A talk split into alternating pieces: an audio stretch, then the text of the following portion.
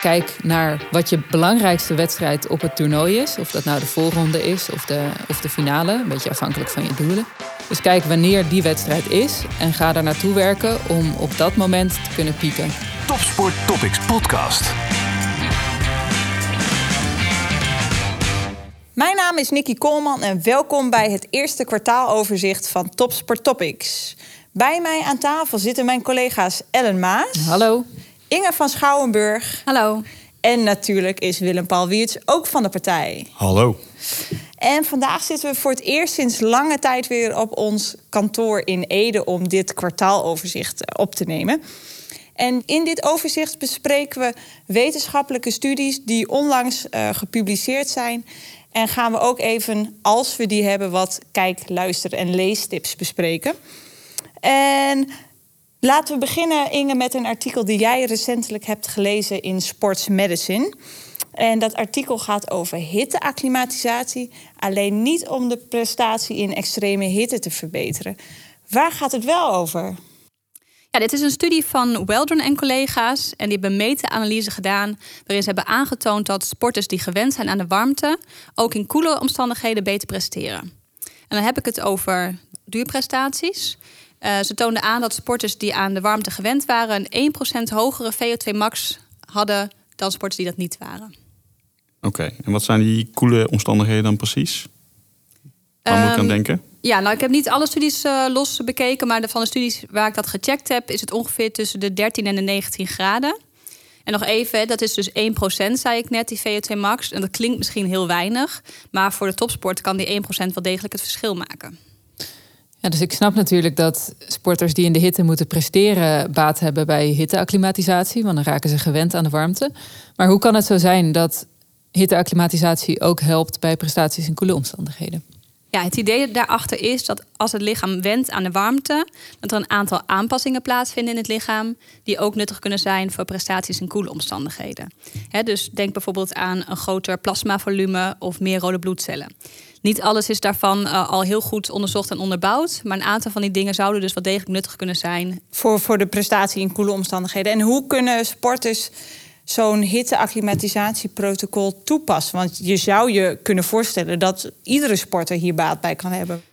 Nou, we weten heel goed wat het beste hitteprotocol is voor prestaties in de hitte. Het beste hitteprotocol voor prestaties in neutrale omstandigheden of koele omstandigheden weten we nog niet. En dat komt puur omdat er nog te weinig onderzoek naar gedaan is. Dus voor, voor nu hanteren we eigenlijk zorgen in ieder geval dat je kerntemperatuur genoeg stijgt. Dus die moet boven de 38,5 graden uitkomen. Uh, en zorg dat je dat dus uh, gedurende 1 à 2 weken doet. Om op die manier echt die aanpassing in het lichaam te bewerkstelligen. En zijn daarvoor ook andere uh, mechanismen die wellicht ook uh, voor de hitteacclimatisatie werken, zoals een, een heet bad, een hittekamer of wellicht uh, sporten met extra kleding nuttig? Of is dat ook ja. nog iets wat niet bekend is? Nou, er is bekend dat dat soort methoden ook zorgen voor aanpassingen in het lichaam. En op die manier ook prestaties in de hitte kunnen bevorderen. Maar of die aanpassingen ook voldoende zijn om prestaties in koele omstandigheden te bevorderen, dat weten we nog niet. Dus daar moet echt nog meer onderzoek naar gedaan worden.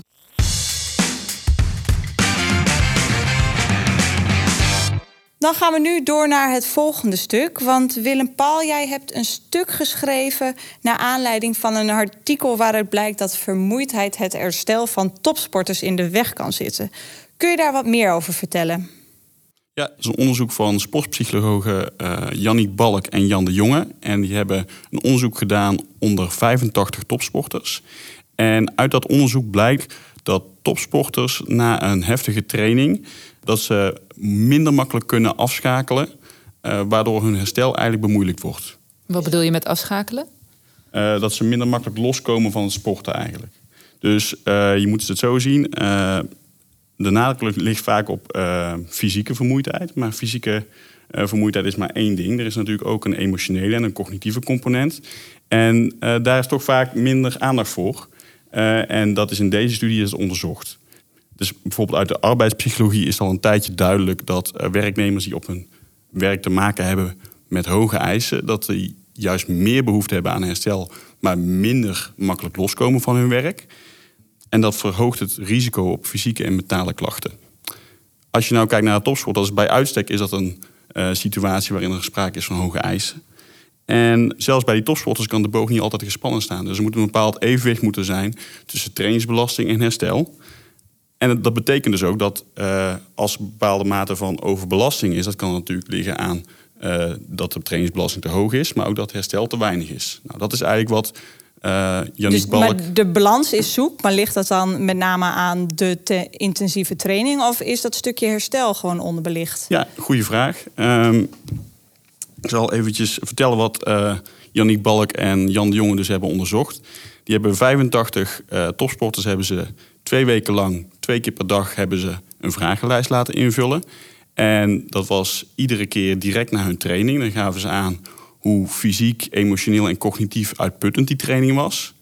En de volgende ochtend, uh, en dan gaven die topsporters aan van oké, op fysiek gebied, op uh, emotioneel en op cognitief gebied, uh, hoe dat ze hersteld waren. En daar bleek dus eigenlijk uit dat na de zwaardere trainingen, dat de sporters minder goed herstelden. Ze noemen dat eigenlijk een under-recovery trap. En, en ze hebben nog niet gekeken wat dat voor gevolgen heeft voor de toekomst of voor wellicht het blessurerisico? Of... Ja, die samenhang die is er bijvoorbeeld wel bij werknemers is die aangetoond. Bij topsporters is dat nog niet. Uh, maar zoals gezegd, bij, er is wel vaak minder aandacht voor het mentale herstel dan voor het fysieke herstel. Uh, en kijk, die sporters, uh, door hun ja, buitengewone prestaties lijken het vaak superhelden. Maar het zijn, uiteindelijk zijn het ook maar gewoon mensen die na hun sportprestatie ja, toch vaak daarover blijven doorpiekeren. Uh, negative self-talk, dus zichzelf een beetje in de put kunnen praten. Waardoor ze vervolgens ook weer minder goed slapen bijvoorbeeld. En hun herstel dus ook minder goed is. Geven de auteurs ook tips om te zorgen dat je wel makkelijk kunt afschakelen na zware training? Ja, ze zeggen van nou, uh, in de eerste plaats kunnen sporters daar zelf aan werken door middel van ontspanningsoefeningen. Dus of het nou mindfulness of meditatie of ademhalingsoefeningen zijn. En wat ook belangrijk is voor dat loskomen van sporten, is dat ze voldoende ontspanning hebben. Dus ook uh, regelmatig sociale activiteiten uh, ondernemen. Ook weer niet te heftig dan natuurlijk, want dan zit dat ook je herstel in de weg. Maar dat ze gewoon met andere dingen met, dan met sport ook bezig kunnen zijn. Dus daar kan een coach ook een rol in spelen door zulke soort activiteiten juist te stimuleren op het moment dat iemand ja, blijkbaar moeite heeft om, uh, om los te komen van en, de sport. En een coach kan er eigenlijk het beste voor zorgen dat ook mentaal herstel een integraal onderdeel van het programma is. En dat hij ook gewoon de uh, werk-privé-balans van de sporters, of de sport-privé-balans, een beetje respecteert. Vrije tijd is gewoon echt vrije tijd. Ja. En Ellen, het tijdstip van een Olympische zwemfinale beïnvloedt de prestatie, weet jij sinds kort. Hoe zit dat? Ja, ik heb dus een uh, artikel samengevat um, met uh, Renske Lok uit Groningen als eerste auteur. En in die studie hebben ze gekeken naar alle Olympische zwemtijden van um, de Spelen van 2004 tot en met 2016. En daar hebben ze eigenlijk alle ja, tijden op één hoop gegooid, genormaliseerd naar de individuele zwemmer. En één uitkomst van dat onderzoek was dat zwemmers harder gaan in de finales dan in de voorrondes of in de halve finales. Maar belangrijker Dat is ergens nog, ook wel logisch, want dan, dat is het moment waarop je moet vlammen, toch? Dat klopt helemaal. Um, maar misschien wel belangrijker nog, ze hebben gevonden dat het tijdstip van die finale, of het tijdstip van zo'n van zo'n zwemwedstrijd, ervoor kan zorgen dat de prestaties uh, beter of minder goed zijn. Ze hebben dus eigenlijk alle uh, zwemtijden uh, geplot. En daaruit bleek dat de zwemwedstrijden die rond vijf uur s middags worden gezwommen, eigenlijk de beste tijden opleveren. En alles wat daar um, ja, veel vroeger of veel later is, dus vroeg in de ochtend of juist laat in de avond, dat levert iets minder snelle tijden op. En um, ja, dat heeft natuurlijk te maken met het, het 24-uursritme van sporters. En is dat voor iedere sporter dan hetzelfde? Um, nee, niet helemaal. Om even terug te komen op dat 24-uursritme. Iedereen heeft eigenlijk een soort van natuurlijk bioritme. Wordt ook wel een circadiaan ritme genoemd. Dat is dat 24-uursritme? Ja, dat is dat 24-uursritme. En dat wordt eigenlijk bepaald door um, ja, de, de, de hormoonhuishouding van mensen. Ja, dat ritme dat is terug te vinden in allerlei dingen. Bijvoorbeeld de kerntemperatuur van het lichaam. Of uh, ja, zoals ik al zei, de hormoonhuishouding. Maar ook de zuurstofopname volgt een bepaald ritme. Uh, en dat zorgt ervoor dat, ja, dat je eigenlijk een ideaal piekmoment hebt op een dag... Om waar, ja, waarop je het beste kunt presteren. En dat is uh, wat jij vroeg, WP, niet voor iedereen hetzelfde. Sommige mensen die geven er voorkeur aan om vroeg op te staan. En dat zijn echt ochtendmensen, die zijn vroeg op de dag fit. En sommige mensen die uh, gaan graag laat naar bed, staan graag laat op. En die zullen dus ook um, ja, hun ideale prestatiemoment pas later op de dag hebben. Voor de meeste mensen geldt geloof ik dus echt het eind van de middag is het beste moment voor de topprestatie, toch? Ja, gemiddeld gesproken is het einde van de middag uh, een ideaal moment om te presteren. En afhankelijk van of je een ochtend- of een avondmens hebt, kan dat piekmoment een paar uur opschuiven. Dus dat kan vroeg in de middag worden voor ochtendmensen of wat later op de avond voor avondmensen. Maar niemand presteert eigenlijk om acht uur s morgens het beste. Oké, maar bij bijvoorbeeld de Olympische Spelen of de Paralympische Spelen uh, of andere belangrijke toernooien, ja, dan heeft, heeft de organisatie daar maling aan. Uh, ja, precies. Je hebt geen keus van, uh, goh, ik wil graag mijn Olympische zwemfinale om vijf uur s middags hebben, want dan presteer ik het best. Nee, dat wordt natuurlijk bepaald door uitzendtijden, zodat mensen dat thuis in, in, in een ander continent op de televisie kunnen zien. Dus dat kan wel eens heel vroeg ochtends of juist laat op de avond plaatsvinden. Oké, okay, en wat kunnen sporters daar dan aan doen om dan op een piek te zitten? Ja, dus je kunt een aantal dingen doen om je piek te verleggen, als het ware. Uh, bijvoorbeeld door eerder of juist later op te staan. Dus als jij je belangrijkste wedstrijd op een toernooi om acht uur s ochtends hebt, dan zal je moeten oefenen met vroeg opstaan. Uh, en daarnaast kun je ook je trainingstijd verleggen naar het tijdstip waarop je je wedstrijd hebt. Dus als je normaal gesproken altijd uh, ja, om negen uur s morgens traint, maar je wedstrijd is om vijf uur s avonds of vijf uur s middags, dan kun je elke dag om vijf uur gaan trainen. En zo eigenlijk je lichaam voorbereiden op uh, pieken op dat moment.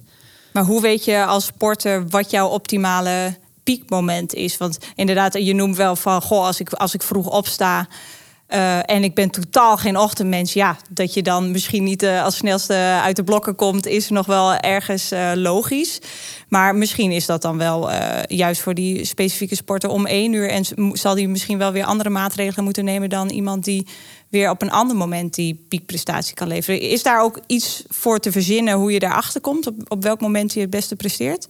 Ja, het is eigenlijk ook een kwestie van voorkeur. Je weet zelf wel wanneer je je op een dag het, het fitst voelt. En eigenlijk is het ook niet zo vreselijk relevant, denk ik, of je nu een, een, een ochtend- of een avondmens bent. Uh, in dit artikel geven ze ook uh, de tip van ja, kijk naar wat je belangrijkste wedstrijd op het toernooi is. Of dat nou de voorronde is of de, of de finale, een beetje afhankelijk van je doelen. Als jouw doel is om de finale te halen, dan zal je uh, belangrijkste wedstrijd tijdens de, de kwalificatieronde zijn. Dus kijk wanneer die wedstrijd is en ga daar naartoe werken om op dat moment te kunnen pieken. Dus ga op dat moment van de dag trainen en zorg ervoor dat je een aantal uur van tevoren opstaat. Nou, Nicky, de studie die jij hebt meegenomen is een Groningse studie uh, naar voetbalscouts. Kun je misschien in het kort vertellen waar het artikel over gaat? Ja, dat klopt inderdaad. De Groningse onderzoeksgroep die heeft gekeken uh, met een vragenlijst uh, bij 125 scouts op welke leeftijd zij denken te kunnen inschatten of een voetballer de potentie heeft om profvoetballer te worden. En wat blijkt nu van de groep scouts die met name spelers beoordeelt uh, onder de 12. Van die groep geven de scouts aan van eigenlijk kunnen we pas op gemiddeld bijna 14-jarige leeftijd inschatten of iemand de potentie heeft om profvoetballer te worden. Dit was gemiddeld uh, eh, 13,6 jaar, maar in ieder geval ruim boven de leeftijd uh, waarop ze normaliter spelers scouten. En dat lijkt dus wel een beetje tegenstrijdig. Want ze beoordelen dus spelers jonger dan 12 jaar. Terwijl ze eigenlijk dus wel weten, misschien bewust, misschien onbewust, dat ze op die leeftijd nog niet kunnen inschatten wat iemands toekomstige prestatieniveau is. En dat punt, dat roept met name wel weer vraagtekens op waar het nou ja, ook wel vaker in de media over gaat. Van goh, is die vroege selectie, is dat nou wel goed of juist niet? Waarom willen scouts dan toch op 12-jarige leeftijd al proberen om zo'n profvoetballer in de dop eruit te pikken? Nou, ik denk dat dat deels ook de cultuur is die in Nederland heerst. Uh, dat ze misschien ook wel de angst hebben om juist die, die talenten mis te lopen. Uh, misschien dat met het idee van, oh, goh, wellicht uh, pikken andere clubs ze anders in. maar ook van als ze niet eerder binnen de jeugdopleiding zitten, missen ze wellicht uh, cruciale opleidingsjaren. Je zegt dus eigenlijk heeft het helemaal geen zin om het te doen. Uh, maar zijn er daarnaast ook nog nadelen voor zo'n vroege selectie? Meer blessures bijvoorbeeld? Nou, het, het blijkt uh, gewoon wel heel lastig. Dat laten verschillende studies zien om op basis van de jeugdprestatie iets te kunnen zeggen over de toekomstige prestatie. Het lijkt er wel op hoe ouder een speler is, hoe beter wel een inschatting te maken is van uh, iemands toekomstige prestatieniveau. Maar het maakt ook het lastige van die vroege selectie op jonge leeftijd is ook dat er nog heel veel verschillen in uh, biologische volwassenheid zit tussen die verschillende spelers. Neem bijvoorbeeld uh, twee spelers, zijn allebei 12 jaar oud. Maar op die leeftijd kan het best zo zijn dat, dat de ene minstens twee koppen groter is dan de ander.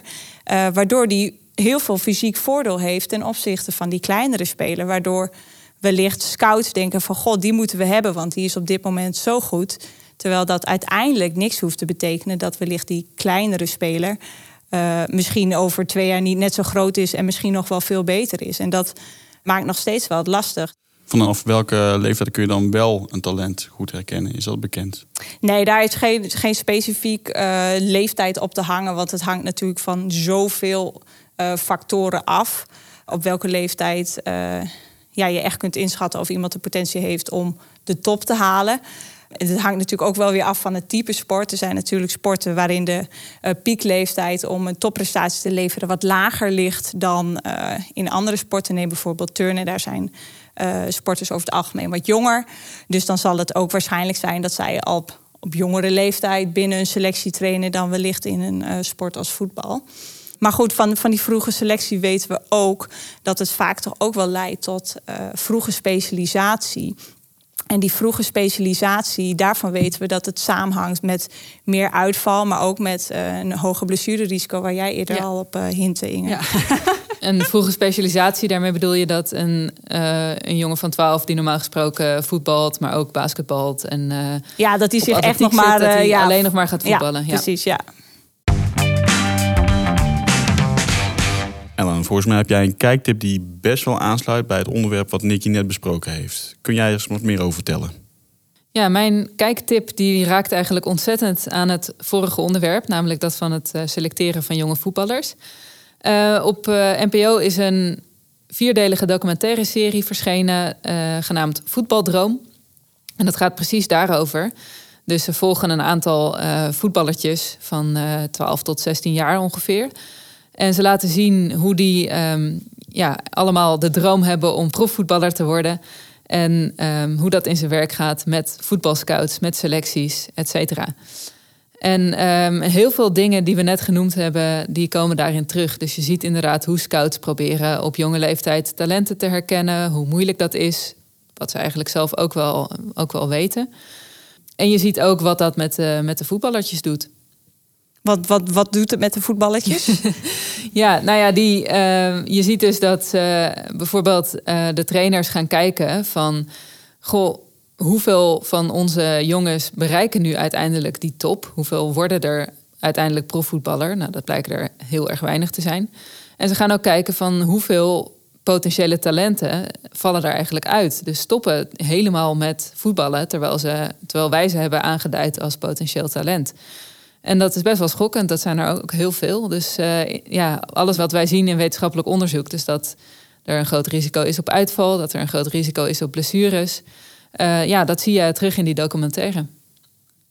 Dus mensen die uh, meer over dit onderwerp willen weten en zien hoe het misschien in levende lijven eraan toe gaat, die kunnen deze documentaire bekijken. Ja. Voetbaldroom heet hij dus. Voetbaldroom. Alright, nou ik heb ook nog uh, ja, misschien een korte leestip of eigenlijk uh, nou ja, meer een, tip voor mensen die wellicht uh, meer willen weten over eetstoornissen in de topsport. Want laatst las ik op de website van NO Coach een artikel van sportpsychologen Karin de Bruin, Anouk van den Berg en Susie Katz over eetstoornissen in de topsport. want dat blijkt een behoorlijk probleem. Want eetstoornissen komen gewoon regelmatig voor bij, bij topsporters. En gemiddeld genomen lijkt het erop dat uh, eh, 20% van de vrouwelijke topsporters uh, wel met eetstoornissen te maken heeft. Maar ook maar liefst 8% van de mannen. En in het artikel bespreken de drie sportpsychologen eigenlijk wat zijn nou de risicofactoren voor het ontstaan van eetstoornissen, maar ook wat zijn signalen van verstoord eetgedrag en wat kan een coach hier nou aan doen op het moment dat hij nou ja, zoiets signaleert. Kun je ons een klein voorproefje geven met één voorbeeld van zo'n risicofactor? Uh, zij beschrijven dat uh, met name uh, vrouwelijke topsporters in wat meer esthetische sporten, dus turnen, maar kunstrijden, maar bijvoorbeeld ook dansen, dat zij wat meer risico lopen op een eetstoornis. Maar ook vaak sporters die in gewichtsklasses sporten. Dus denk aan judoka's, roeiers, boksers. Uh, en wat zij beschrijven is dat veel sporters in dergelijke ge gewichtsklassen vaak in een lagere gewichtsklasse eigenlijk blijven hangen, terwijl ze continu, nou ja, misschien draconische maatregelen moeten nemen om toch in die gewichtsklasse te blijven sporten. En dat gaat vaak op een ongezonde manier en waardoor het risico op een eetstoornis verhoogt. En hoe herken je dan dat iemand met zo'n, wat zijn signalen die je op kunt pikken om te zien dat iemand een eetstoornis heeft? Nou, de, de sportpsychologen beschrijven dat het wel lastig is om deze signalen op te pikken. Uh, zij noemen een aantal ja, wat meer specifieke voorbeelden. Maar in het algemeen geldt wel van goh, als je merkt dat iemand uh, steeds dwangmatiger met eten bezig gaat, uh, met afvallen, met trainen en misschien zich wat sociaal lijkt terug te trekken, dat zijn wel signalen Waarbij een coach kan denken van, goh, ik moet hier misschien wat meer aandacht aan besteden. Maar het kan ook nou ja, wat concreter betekenen van, goh, merk je op dat een sporter bijvoorbeeld extra gaat trainen bovenop het reguliere trainingsschema. Maar misschien ook wel vlak na het eten naar het toilet gaan om misschien het eten uh, uit te kotsen uh, vreedbuien, extreme schommelingen in gewicht. Dat zijn allemaal wel indicaties dat er misschien meer aan de hand kan zijn. Ja, zo kunnen coaches dus signaleren. Maar uh, hebben jullie ook nog bepaalde dingen die ze kunnen doen als ze het uh, opmerken bij een sporter? Ja, dat, dat blijft natuurlijk altijd denk ik wel lastig. Maar het lijkt er wel op van hoe eerder je het probleem herkent, hoe eerder je er ook wel wat uh, aan kan doen. Uh, maar het belangrijkste is denk ik dat je als coach uh, echt het gesprek aangaat van ik signaleer dit en dit. ja, hoe gaat het met je? Ga het gesprek aan, wees daar open in en ja, probeer echt te kijken wat je kunt betekenen om zo'n sporter verder te helpen. Ja, dus vroeg aan de bel trekken. Vroeg aan de bel trekken, je zorgen en je vermoedens uiten, dat is heel belangrijk.